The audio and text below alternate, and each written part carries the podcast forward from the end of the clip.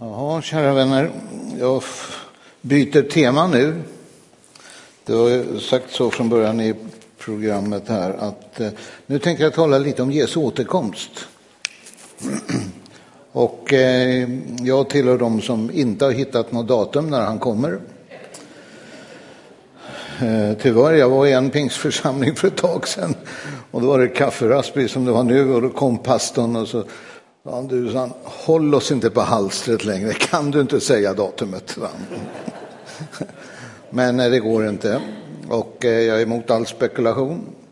Eh, just nu är det som det går en, en våg liksom när det plockas fram väldigt massa tecken på att det är väldigt nära nu. Och jag ska inte säga några datum allting och det är blodmånar hit och blodmånar dit och klockan är nu inte fem i tolv, nu är hon tre minuter i tolv och och sådär. Jag höll på med en del av det på 70-talet. Eh, men man blir väl förhoppningsvis lite visare så att eh, idag är mitt fokus istället att vara beredd att nu möta Jesus. Vi har inget löfte om morgondagen. Däremot ska vi forska i det profetiska ordet för att eh, jag brukar säga det, för mig är det en vitaminspruta i mitt andliga liv att se hur det profetiska ordet rullar fram. Va? Jag tänker på en sån sak som eh, eh Matteus Jesu tal till exempel i eh, Matteus 24. Det är en kronologi i hela det här talet. När han börjar med att tala om speciella tecken som ska vara eh, i världen när det är dags. Och, eh, eh, och så går han igen, det kommer tydligen lite senare. Så att, eh, men vi ska forska i det profetiska ordet, det var ju det Daniel gjorde och det, det eh, hjälper oss att vara redo när han kommer. Men vi ska inte, det står ju tack och lov, så trösta nu varandra med dessa ord. Det står inte skräm livet av varandra med dessa ord. Utan det är en tröst för oss att vi ska vara redo att möta Jesus. Den där bilden hade jag upp igår och jag tar upp den idag igen. Jag tycker den är så fantastisk. Det är en inbjudande bild, verkligen. Jesu återkomst är bland annat några olika saker. Det är en väckelsefråga. Vad jag säger till er säger jag till alla. Vaka. Det är viktigt, det är en väckelsefråga. Det är också en helgelsefråga. Utan helgelse får ingen se Herren. Det är en missionsfråga. Detta evangelium ska predikas såsom ett vittnesbörd för alla folk och sen ska änden komma. Och jag upplever nu i det skedet att eh, det är en väldig acceleration kan vi säga i att få ut evangelium. Och eh, på ett märkligt sätt, så, i varje fall i Malmö till exempel, så skickar ju Herren nu de här andra folken till oss. Liksom ta hand om, om dem eftersom vi inte har hunnit med där ute på fältet så fyller de hela staden där nere hos oss.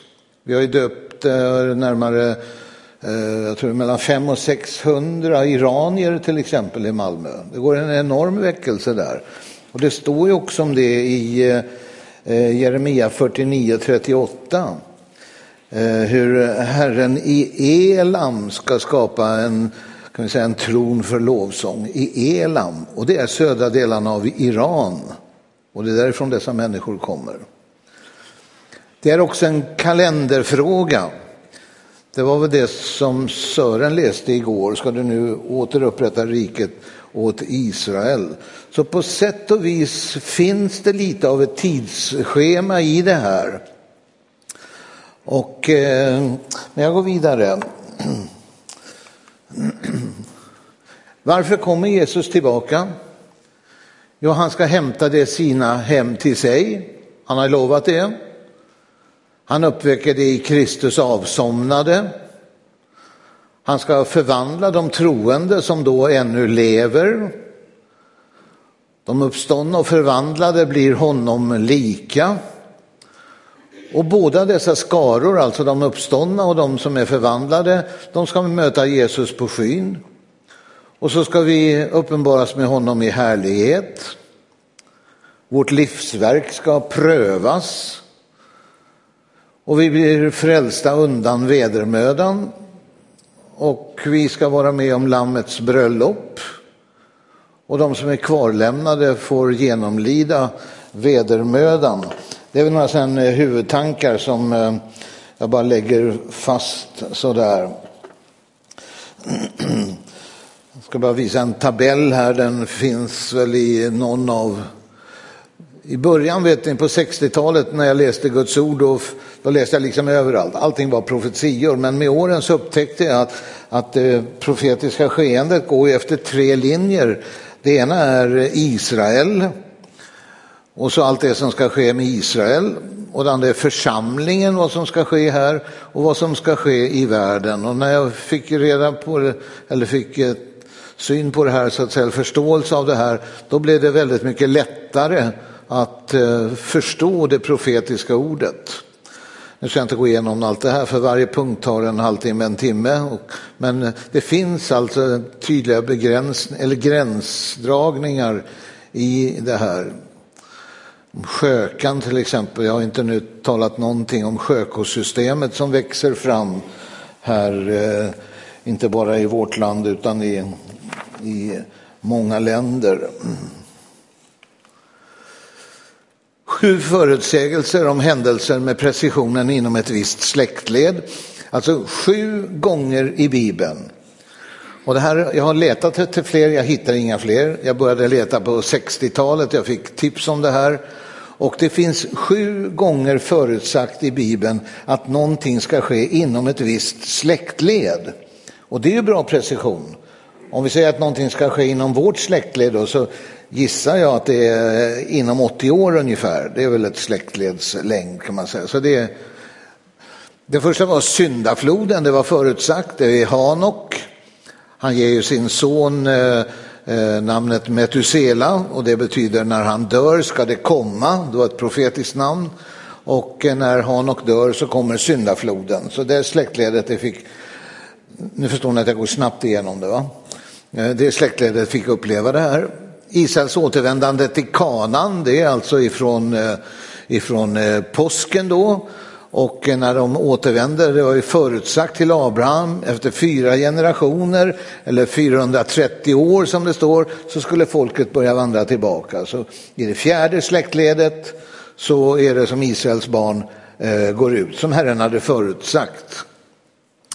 Babylons fall var på samma sak. Det är när Herren säger till Nebukadnessar i din sonsons dagar, det är alltså tre generationer, så ska Babylon falla.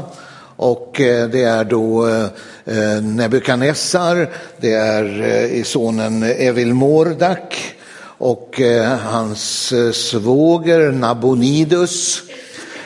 Och den tredje generationen är Belsassar. Så i tredje generationen som du har förutsagt, där faller Babylon.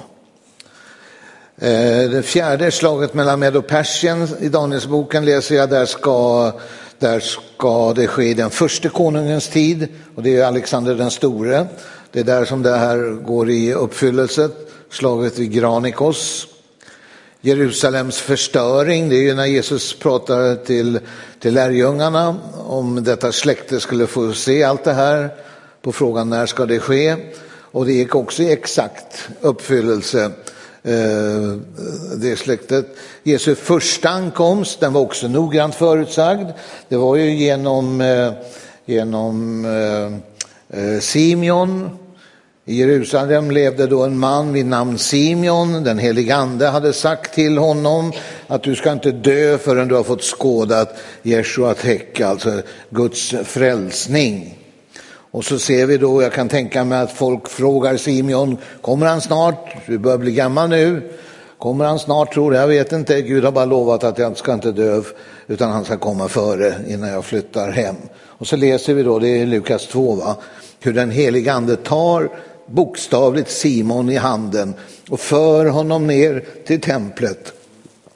Och så kan jag se framför mig hur Josef och Maria med Jesusbarnet kommer och eh, Simeon välsignar honom och säger då att nu kan du låta din tjänare fara hädan för nu har jag fått skå, skåda frälsaren. Och det sista, alla de har ju gått i uppfyllelse. Exakt rätt generation. Och den sista är då Jesu återkomst. Och det är ju med tanke på, med tanke på eh, eh, fikonträdets generation. Ska se om jag har det här, jag hoppas jag har, ja det har vi där ja. Vi kan titta på det här. Alltså det är ju så att Jesus i det här kapitlet, Matteus 24, går igenom först med en mängd saker, eh, med, eh, med jordbävningar och hungersnöd och ja, allt det här som ska ske i världen. Och så lite längre ner efter det börjar han tala om en antikrist som ska träda fram. Och så byter han tema och så börjar han tala om fikonträdet. Och vi hade det uppe i ett samtal här, jag fick en lapp om det. Och jag hör till dem som menar att fikonträdet är en bild på Israels politiska liv, dess sionism. Det finns också bilder på vinstocken och olivträdet. Men eh, den damen, var du nu sitter, men eh, eh, jag har ett helt avsnitt i den ena boken där jag förklarar de här. Därför att det här är ett angreppsställe för ersättningsteologerna. De säger att det står ingenstans i Bibeln att Israel skulle vara fikonträdet. Men det gör det visst, det säger jag. Och det, det finns ett helt avsnitt. Och nu ska vi analysera vad Jesus säger. För att allt han säger, eh, allt står inte här som, som lär av en jämförelse. För de har ju frågat då, när ska det ske? Det första är, när kommer templet att förgöras? Det är första frågan. Andra frågan är, vad är tecknet på tidens ände och din tillkommelse? Så de ställer tre frågor och de får tre svar. Lär av en jämförelse med fikonträdet, säger han. Redan när kvisten blir mjuk och bladen spricker ut så vet ni att sommaren är nära. Det kände alla till. När ni ser allt detta, vilket då? Det är det han har undervisat om då i 31 verser före, plus resten av kapitlet och in i det 25 kapitlet. När ni ser allt detta så vet ni på samma sätt att han är nära och står vid dörren. Och här finns ett viktigt ord i det här, va? ordet vet. Vet på grekiska det heter ginosko. Det ordet Jesus använder det står i imperativ, det står ginoskete. Och det ordet är så starkt så skulle jag översätta det där så skulle jag säga det, när ni ser allt detta är det er skyldighet att inse, nu kommer han snart. Så starkt är det här ordet, vet, genoskete. Amen, säger han. Detta släkte ska inte dö förrän allt detta händer. Här har vi ordet släkte. Eh, en del ersättningsteologer säger att eh, släkte det heter genos och det betyder alltså att eh, det är släktet där. En del säger att det är det judiska folket ska inte dö ut förrän allt det här händer. Och jag kan säga på 60-talet där jag hade svårt att värja mig för jag är ingen akademiskt lärd man på något vis. Men så satt jag ändå och läste i ett lexikon och då såg jag att det fanns två ord. Dels, dels eh, genos som då betyder eh, den judiska rasen eller judiska folket ska inte dö ut. Och så ordet genea som betyder en utmätt tid eller en generation. Och med den kunskapen kunde jag gå in igen i mina biblar och då står det, amen, halleluja, det står genea. Det betyder att det genea som ser det här, det ska inte förgå förrän allt det här som det profetiska ordet handlar om med Jesu tillkommelse. Sen kan man ju då naturligtvis eh, jag menar, även jag sitter ju och filosoferar och räknar och ringer folk som, som jag vet är, är duktiga på det här. Och jag har kommit till tre tankar om hur ska man räkna det här om det nu är ett släkte. Ja, för det första så, hur långt är ett släkte? Och jag brukar säga eh, 80 år.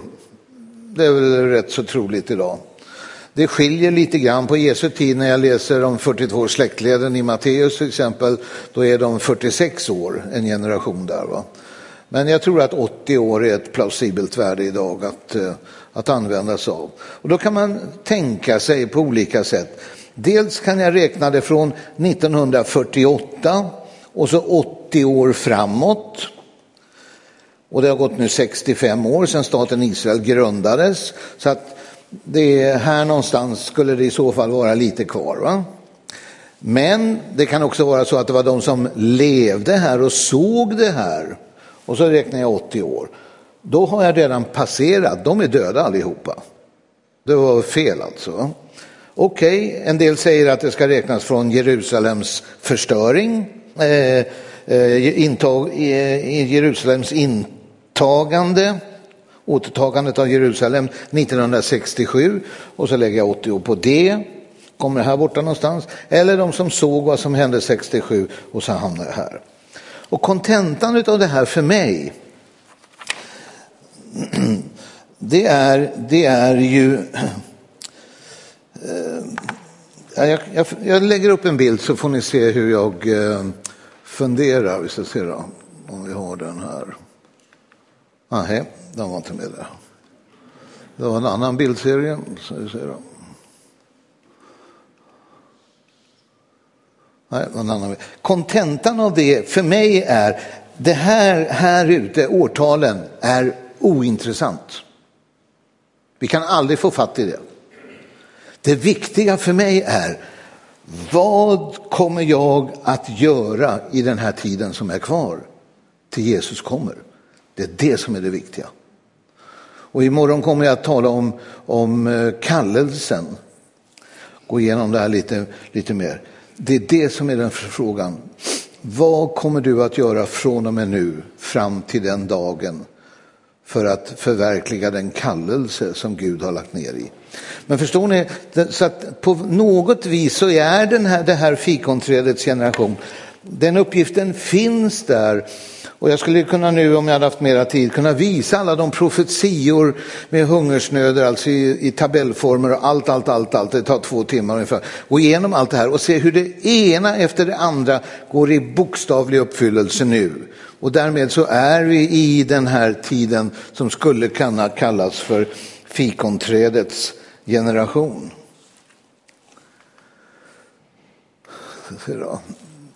Det där är en, ehm, ett sätt att försöka förklara. Det finns alltså olika skolor eh, hur man ska tolka det här. Och jag, jag har gjort så, faktiskt fått eloge för det, att jag redovisar i mina böcker olika skolor. Eh, och så får folk själva göra sig en bild av, vad tror du på?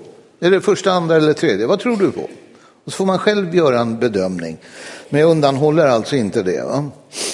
Och det här strecket då, som det här långa strecket, det vad vi vet så i Daniels 70 vecka så är det antikrists tid. Det är en sjuårsperiod och antikrist ska regera. Så det strecket kan vi alltså lägga fast, det är hans regeringstid. En del teologer säger då att de sju åren är detsamma som vedermödan. Och då säger man ju att vedermödan är sju år. Och eftersom jag, många med mig, vi tror inte att vi ska vara med i vedermödan eh, så blir den där bilden då den högra pilen, det är de som ligger i väntan på uppståndelsen och det där är du och jag som lever och så ska vi ryckas upp för att inte vara med i vedermödan. Det blir konsekvensen. Va? Så finns det de som eh, säger att det här är fortfarande antikrists tid. Det där är vedermödan eftersom det på olika ställen står, dels är det en eh, en tid, tider och en halv tid, alltså tre och ett halvt år. Det står att den är 1260 dagar, det är samma sak. På ett annat ställe, precis som Gud lägger ut alla varianter nu för att vi inte ska missförstå det. På ett annat ställe säger han 42 månader. Och nu har han ju liksom täckt in allt. Så vi vet att det är tre och ett halvt år. Och den skolan tror då att vedermödans tid är de här tre och ett halvt åren. Men fortfarande så finns ju antikrist här. Här rycks de här upp för att inte vara med i vedermödan. Det betyder att vi som är kvar här kan få vara med och se Antikrists framträdande eller hans politiska karriär eller vad det nu är för någonting. Va? Den tredje skolan, fortfarande sju år antikrist, sju år vedermöda och den skolan säger att vi ska vara med om hela vedermödan. Tack syster. Tack. Om hela vedermödan och så hänvisar man till eh, till eh, Matteus där det står att strax efter den tidens vedermöda när solen förvandlas så ska Herren sända ut sina änglar för att församla hans utvalda och då ska vi alltså vara med om allt det här. Det tror inte jag. Jag tror, men nu får ni själva välja.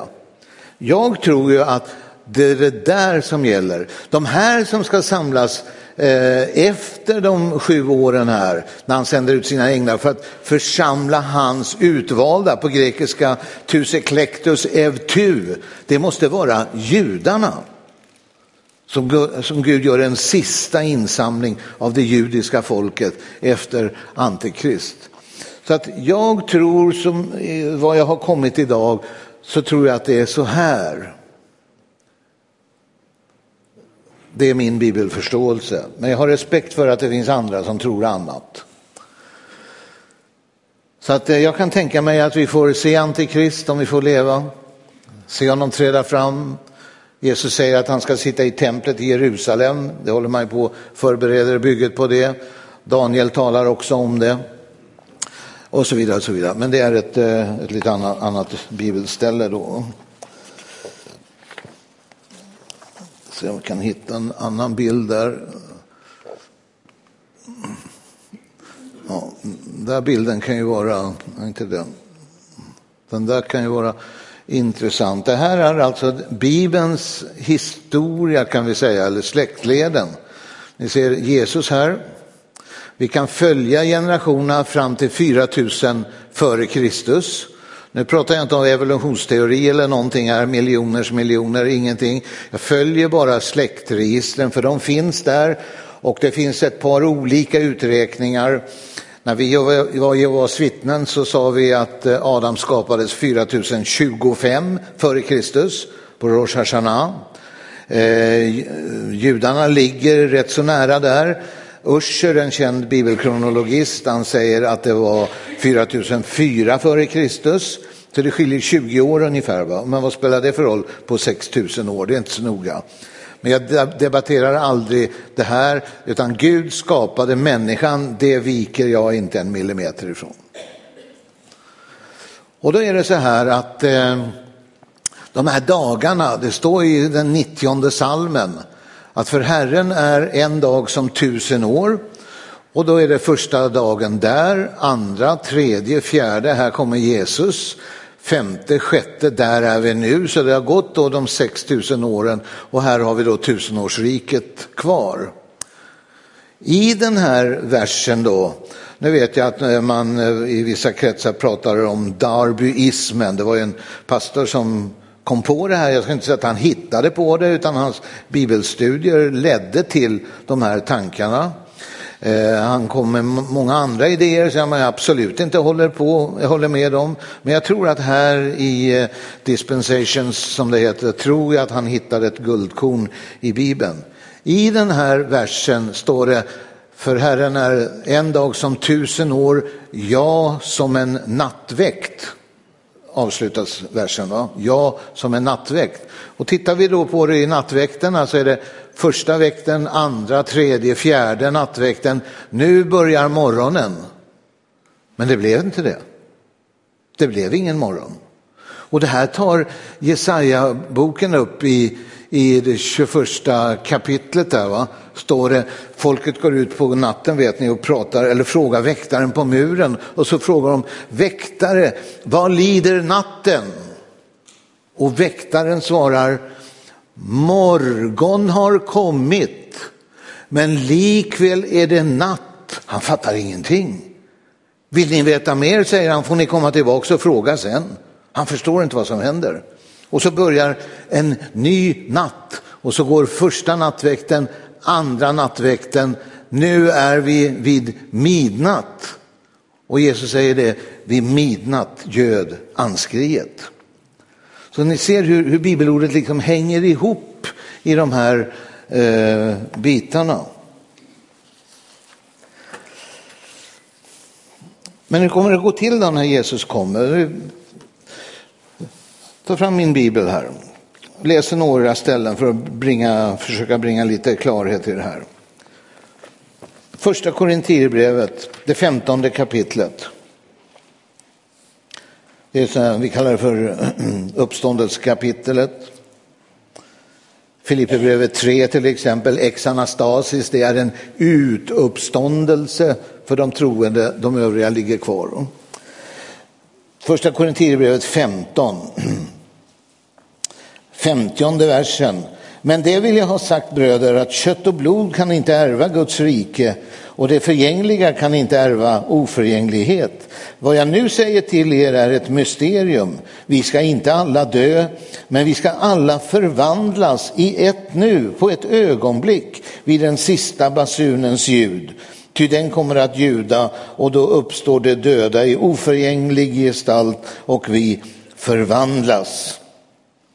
Vi ska alltså förvandlas och den här förvandlingen den heter alltså, ordet i grekiskan är atomos.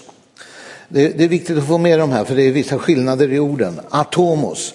Det betyder att den här, om det skulle ske nu, så skulle vi som är redo att möta Gud förvandlas. Gör jag så, så är det alldeles för sakta.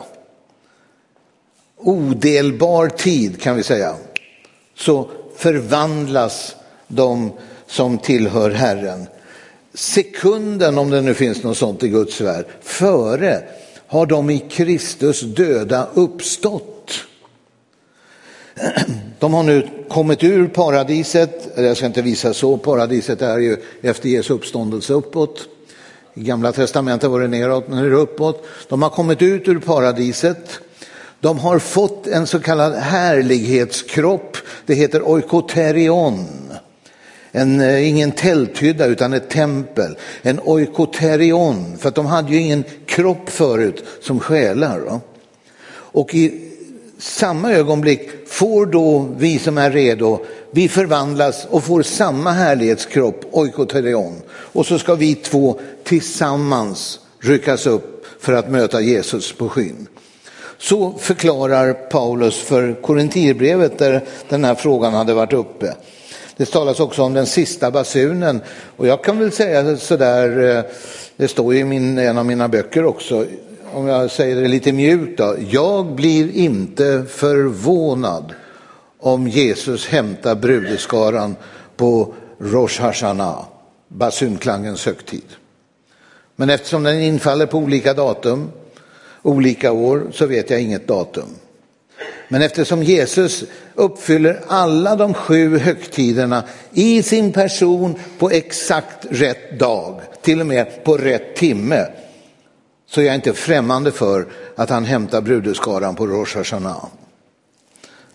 Eh, det ingår i en lång serie av studier som jag har. En annan församling som också hade det här uppe, det var ju i Thessaloniki.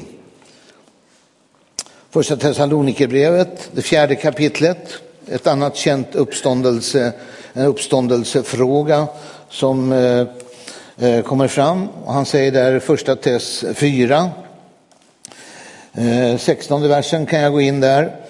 Ty när Herren själv stiger ner från himlen och hans befallning ljuder genom ärkeängelns röst och en Guds basun, då ska de som är döda i Kristus uppstå först. Det var det jag sa, va? De får sin härlighetskropp. Därefter ska vi som är kvar i livet föras bort bland molnen tillsammans med dem för att möta Herren i rymden. Så han använder samma tankesätt, men han använder andra ord här. När han talar om att föras bort så heter det på grekiska harpazo.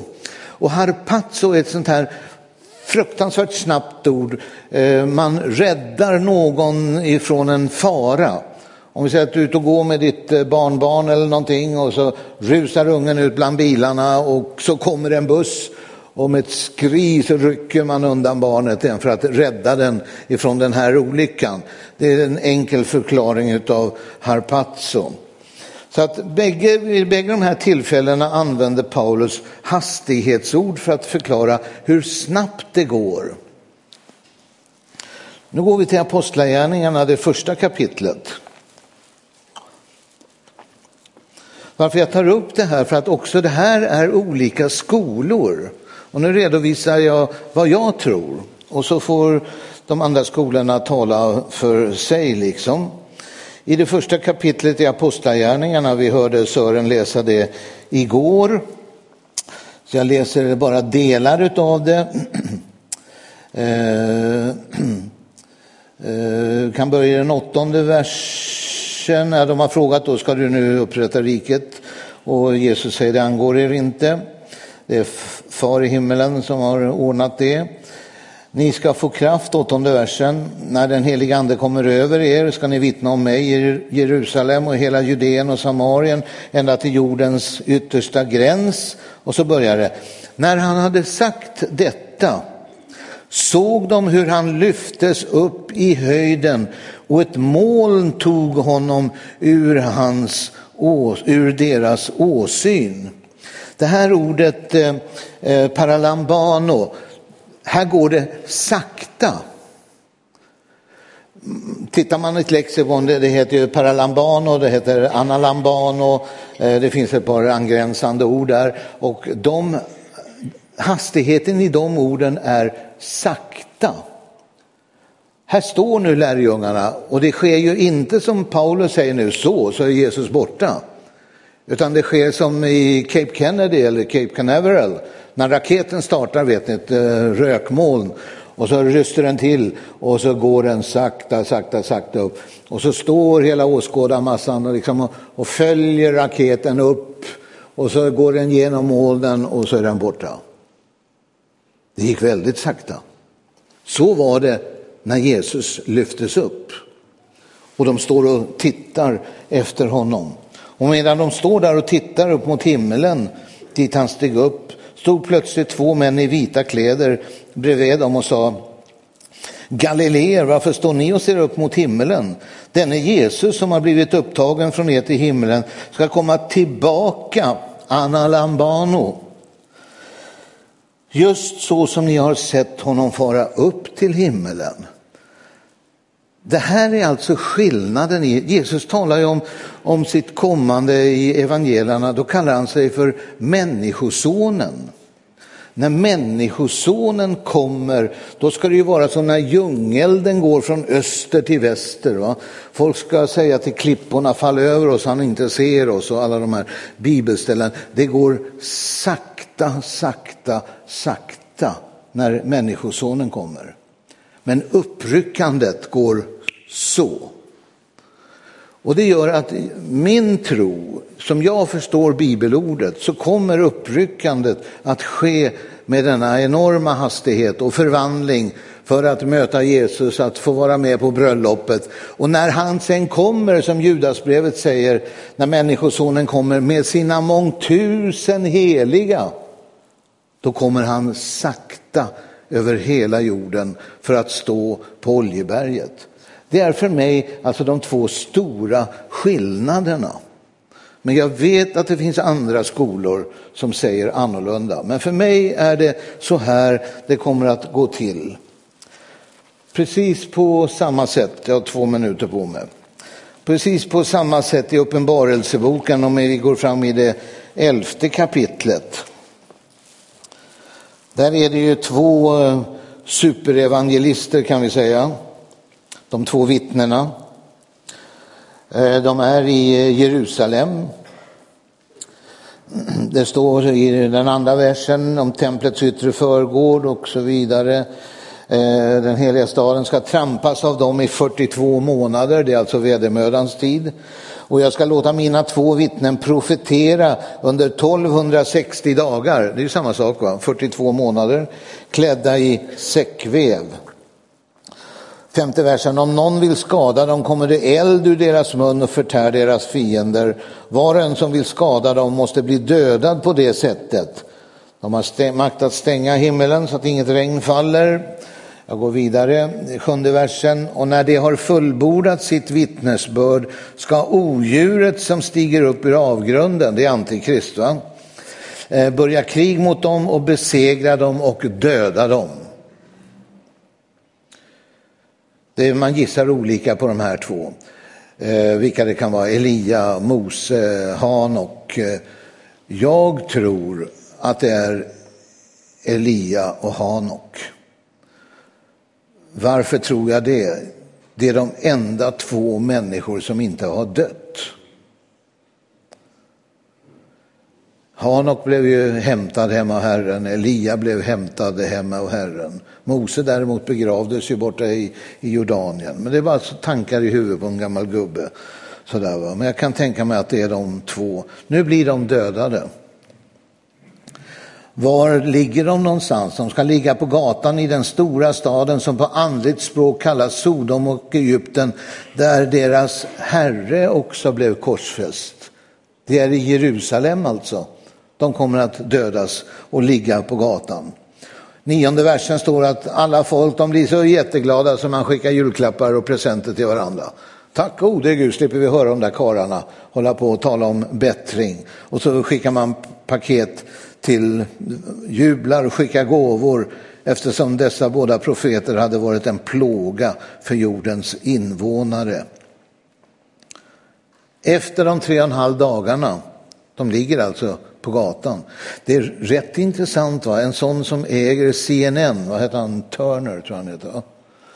Han säger det, när Jesus, jag lovar, säger han, när Jesus kommer på Oljeberget så lovar jag att vi inom fem minuter ligger i direktsändning från Oljeberget. Vilka visioner de har. Det här kommer ju naturligtvis att kunna titta på rapport. Kommer hem ut, de ligger där imorgon kväll. De ligger fortfarande kvar. Och nästa dag, du, det är ingen som har rört dem, de ligger fortfarande kvar.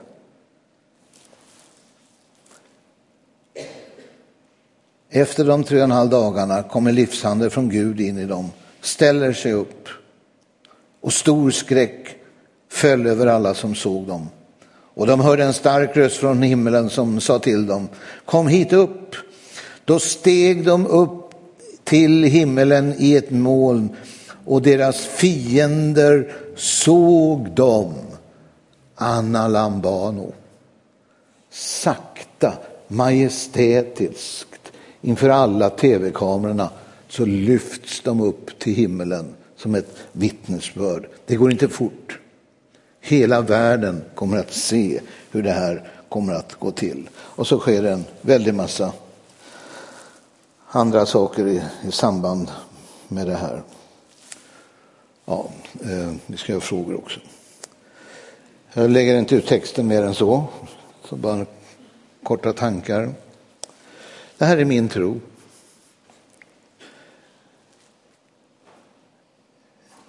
Jag vet inte om det är rätt eller fel. Men jag tror att det är så här det kommer att gå till. Och jag vill vara med.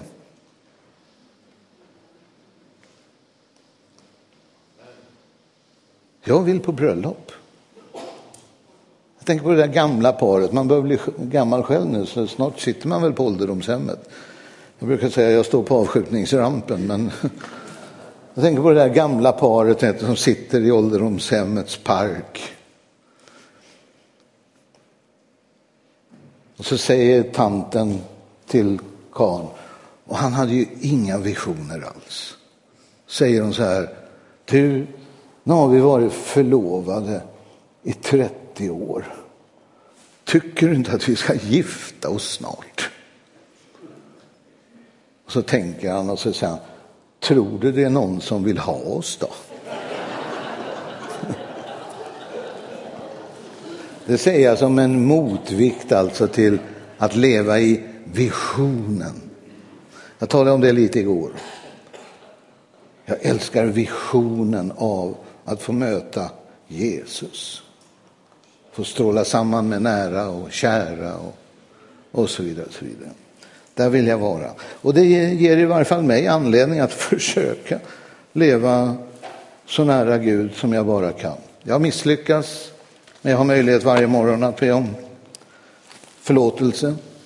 Jag försöker i alla fall med Guds hjälp att leva i en levande Guds relation. En minut till får jag bara... Jag vi var ute och åkte, en Lili och jag, jag brukar berätta om det för det gjorde ett så starkt intryck på mig när det hände. Det är några år sedan nu. Men vi var ute och åkte, Lili och jag.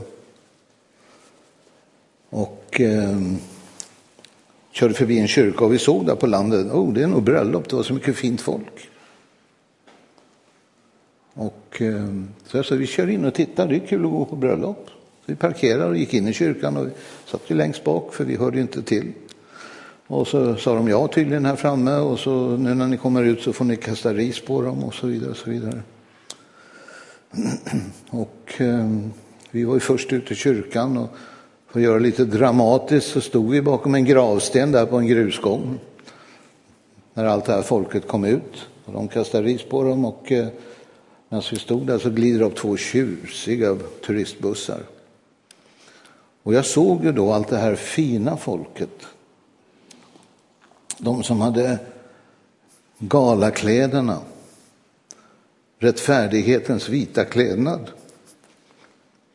Hur de gick ombord på bussarna. Så stängdes dörren och så åkte man iväg till något skånskt slott och herresäte som vi säger där nere. Men det som talade till mig, det var jag var så nära. Men jag var inte med på bussen.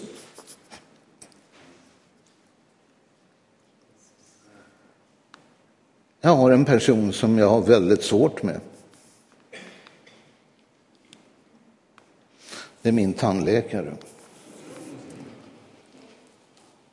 Han brukar säga, måste du gå an som en boorm i stolen? Och jag kontrar med att säga, en sån som du kan väl inte ha några vänner här i livet? Men vi har skoj, det är på skojplanet alltihopa. De här tänderna jag har här, de har jag köpt av honom.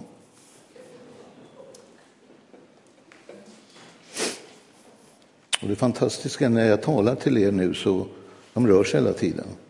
Vi fikade där uppe och jag tuggade. Det är inte ofta jag är glad, jo det är jag väl, men jag brukar säga det är inte så ofta jag är glad. Jag visar ibland lite grann av dem. De är med hela tiden, de rör sig hela tiden.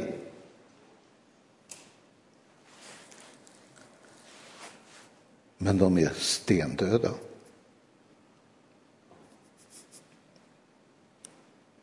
Det räcker inte att vara med. Det hänger på om jag har en gudsrelation. Amen.